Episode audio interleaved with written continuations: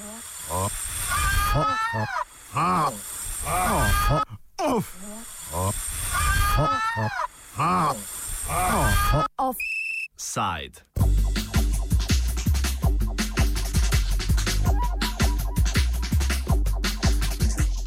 Nadzor širom sveta sega tudi na periferne države. Ena izmed takih primerov je Etiopija, kar problematizira poročilo Human Rights Watch naslovljeno They Know Everything We Do: Telecom and Internet Surveillance in Ethiopia. V poročilu navaja širjenje telefonskega nadzor nadzorovanja, kjer vladajoča koalicija sodeluje z monopolno telekomunikacijsko korporacijo. Nadzor je usmerjen predvsem na protestnike in manjšinsko prebivalstvo Somalicev, Džinka in Oroma, nad katerimi se strategijo nadzorovanja in beleženja klicev vršijo represivni ukrepi. Pridobivanje zasebnih telefonskih podatkov je le del širše strategije nadzorovanja in obvladovanja ljudi, kjer represivni in obveščevalni aparati z implementiranimi oziroma z implementranimi, ne, ampak bomo rekli, informanti v območjih z manj razširjeno telekomunikacijsko tehnologijo ustvarja svojo panoptično omniprezentnost. Nadzorovanje prav tako sega na področje virtualnega, kjer cenzurirajo sporne internetne tiske, s čimer onemogočajo dostop do enega izmed redkih virov informacij v tej državi.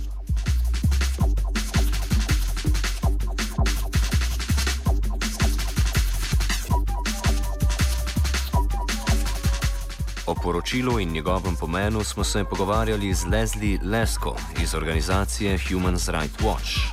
The report was looking at the extent of telecommunications and internet surveillance in Ethiopia. And Ethiopia has a monopoly on the telecommunications sector, so it's very uh, easy for it to uh, gather data from telecommunications and to block uh, internet because there's only one government survey a server, excuse me.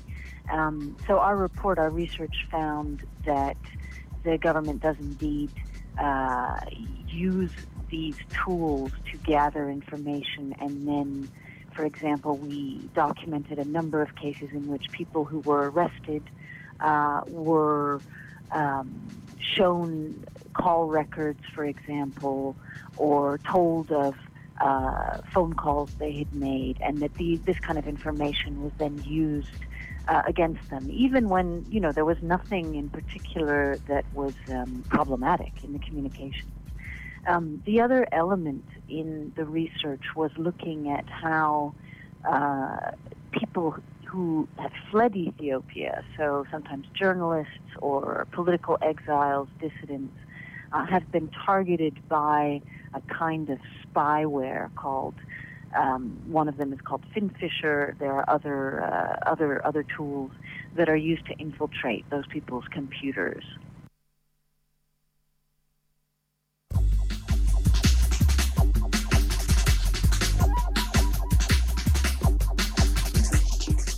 Etiopska vlada je sicer znana po represiji nad opozicijo in ne ahmarskimi etničnimi skupinami. Več pove Leslie Lefkow. Well, lot, what we've seen in the past in, in a lot of our research is that people who are most likely to be arrested and to be sometimes mistreated um, by the Ethiopian government uh, and security services are people who are suspected of being affiliated with either some kind of political party or, in some cases, with insurgent groups. Um, and sometimes these groups have uh, ethnic affiliation. So there are two insurgents groups who operate in Ethiopia. One is in the Somali region, and one is in the Oromo region. And Oromo and, and Somali uh, ethnic uh, Ethiopians are much more likely to be detained and mistreated um, because of these perceptions, even if, again, even if they have actually no connection to these groups.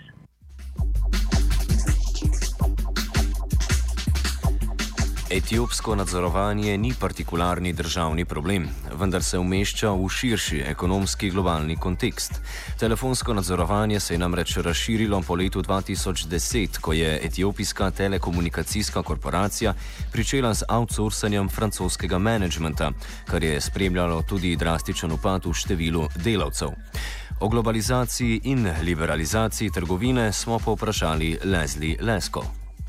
Yeah, I mean, it's um, the problem is, is that Ethiopia has signed many international treaties, and, and in fact, its own constitution is, is, is quite strong, and it has strong protections for freedom of speech uh, and for freedom of association and, and for other relevant um, rights. Uh, but the problem is, is that these these rights are not protected in practice in in the way that security forces behave, in the way that uh, trials are conducted, and so on. So, so I think that the um, I would hope that the Ethiopian government would take the research and the report seriously and, and look at some of the gaps in the legal framework on how they need to strengthen their regulatory um, controls to make sure that uh, that security services can't do whatever they want.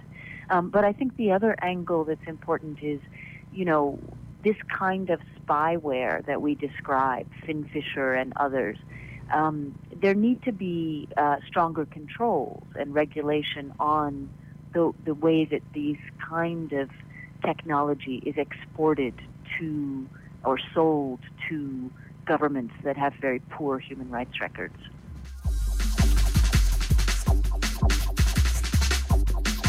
Zakaj sta nadzorovanje in cenzura v Etiopiji tako močna?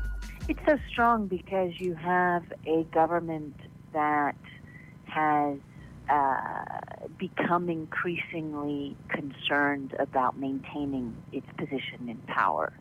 Um, you know, you, there is obviously a, a, long political history here that is part of the, the reason for this. Um, but it's an interesting case because, on the one hand, the Ethiopian government is very firmly committed to economic development, um, and it's it pursues a number of programs and, and efforts to to try to promote economic development, and and yet when it comes to telecommunications and you know pursuing and encouraging ways in which tele, you know, greater telecommunications and access to information could also support development, that's sort of where the government draws a red line. And uh, at the end of the day, its interest in maintaining control over what kind of information people are able to access trumps any other uh, agendas. And, and of course, Ethiopia will be having elections again in, in, in 2015. Um, so this is also a, uh, you know, a, a, moment where, where the government is, is looking towards those elections with, I think, some concern, not because it would be concerned uh, of losing the polls, because it's, it's got quite a tight grip, uh, the ruling party on, on the country, but more because of the potential for popular protests.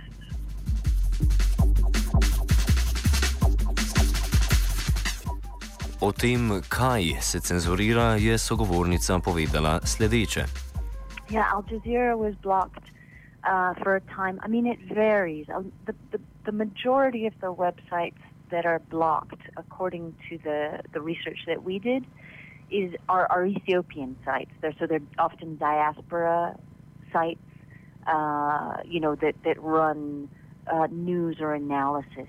But there are occasions when international organizations or international media are also blocked. And, uh, and then Al Jazeera, of course, is a very good example.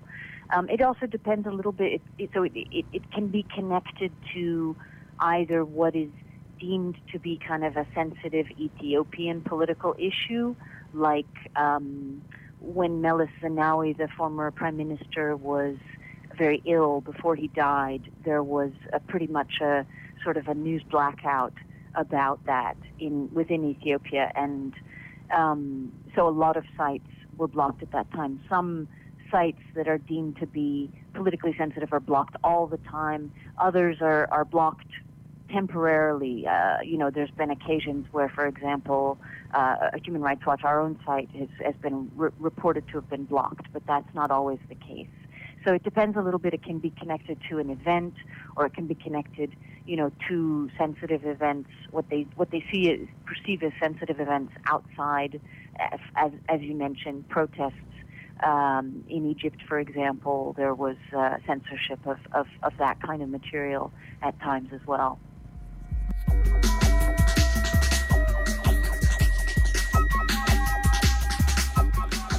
Prav tako je bilo Etiopiji tehnologija za internetno in telefonsko nadzorovanje prodana strani Evropske unije in kitajske korporacije ZTE. Govori Mike Risoli iz organizacije Privacy International. What we're seeing now is that companies based within the EU are able to sell surveillance technologies around the world um, to repressive regimes or authoritarian governments. With uh, with essentially no impunity. There are at the moment there are insufficient controls in place that would properly regulate the sale and the proliferation of very invasive and mass surveillance technologies, very similar to the types of systems that are detailed in the Human Rights Watch report.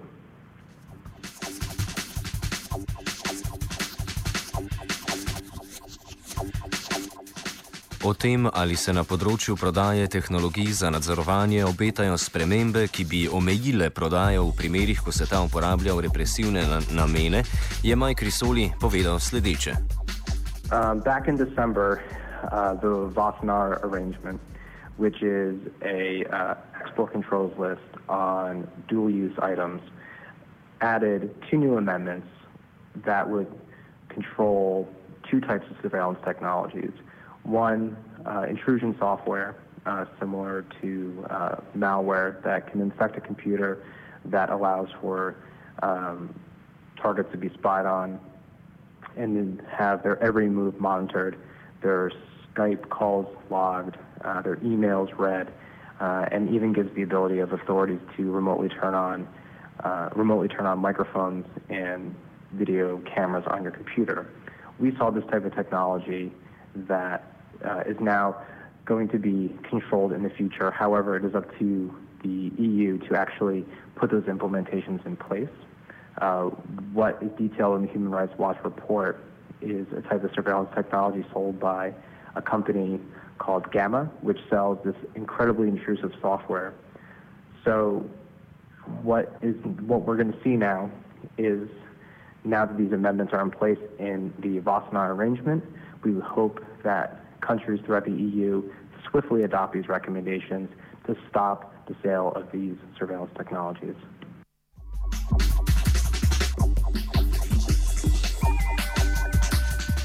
Offsajd sta pripravila Anuša in vajenec Tit.